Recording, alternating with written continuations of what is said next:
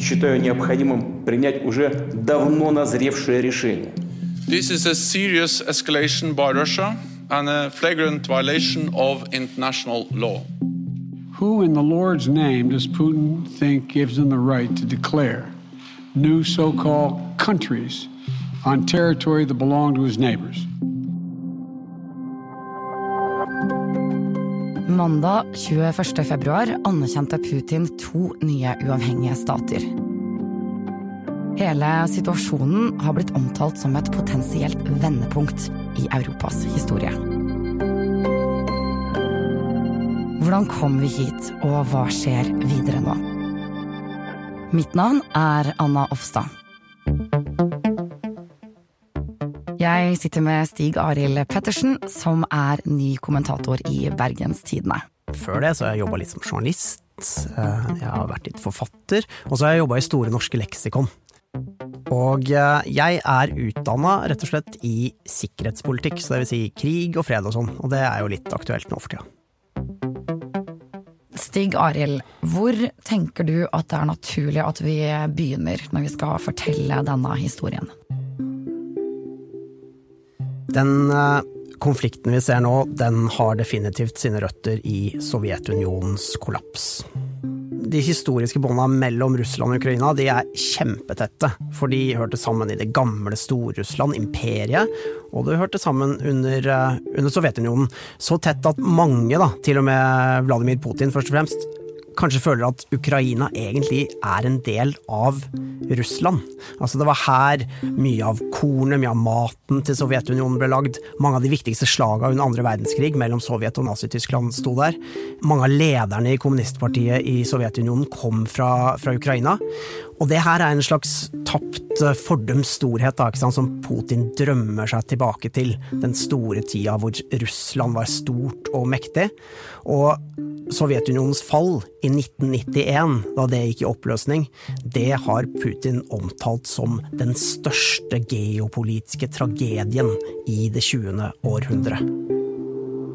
Gamle europeiske nasjonalstater har vunnet sin frihet tilbake. Dette regnes jo da som slutten på den kalde krigen. Kan du bare kjapt eh, forklare hvem var det som var mot hvem her?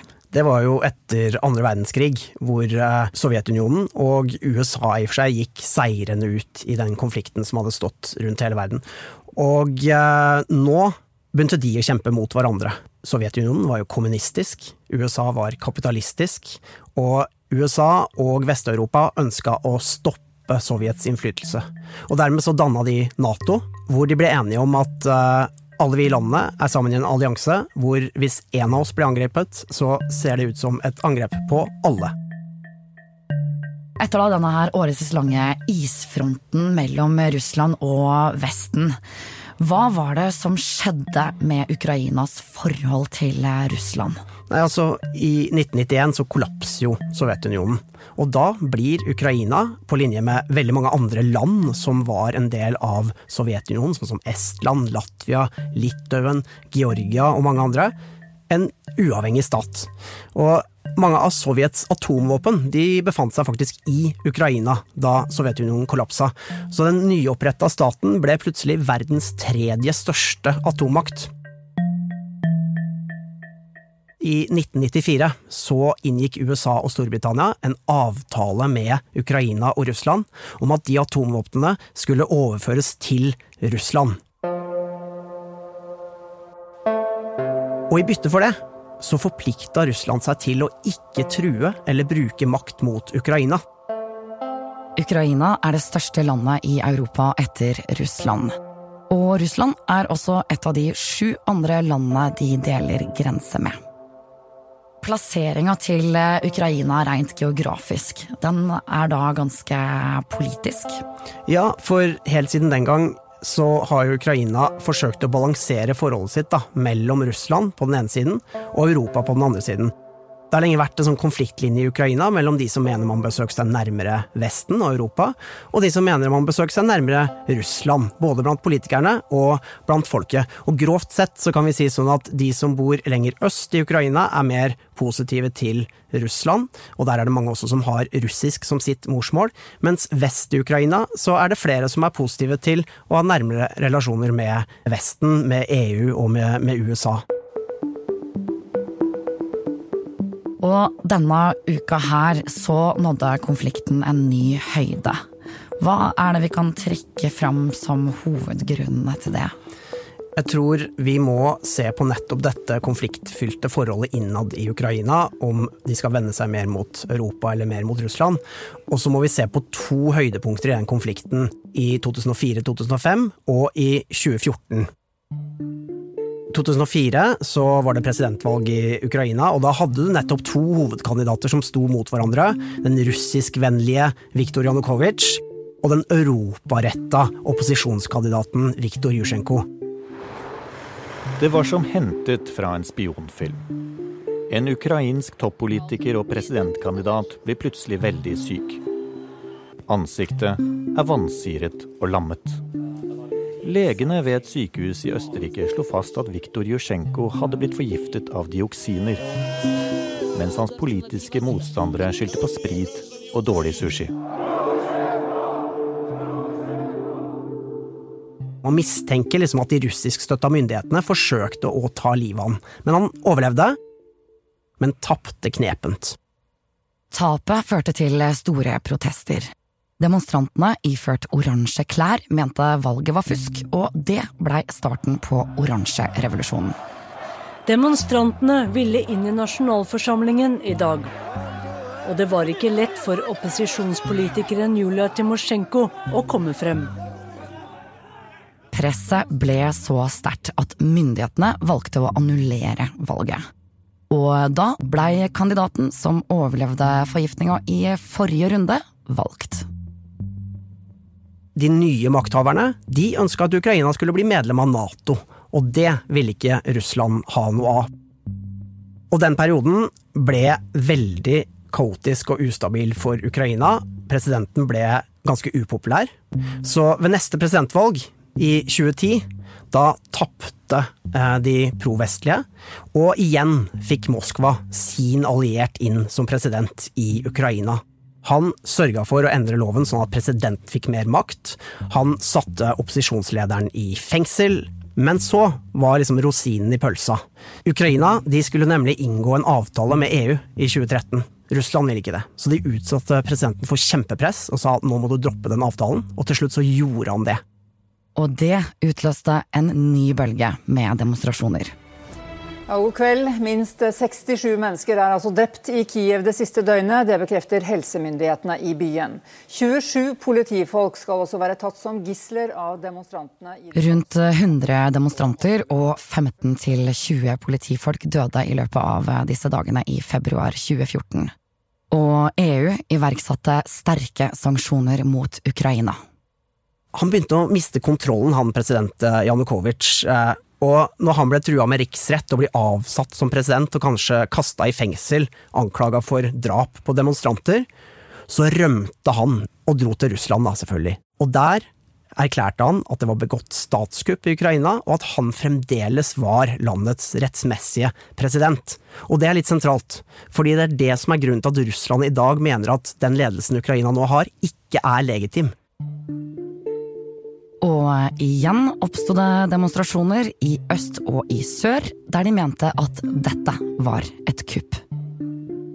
Så bare noen dager etter at uh, han, president Janukovitsj forlot Ukraina, da, så dukka det plutselig opp masse sånne uniformerte, men uidentifiserte soldater uten noe flagg eller eh, andre symboler på uh, uniformene sine. På Krimhalvøya helt sør i Ukraina.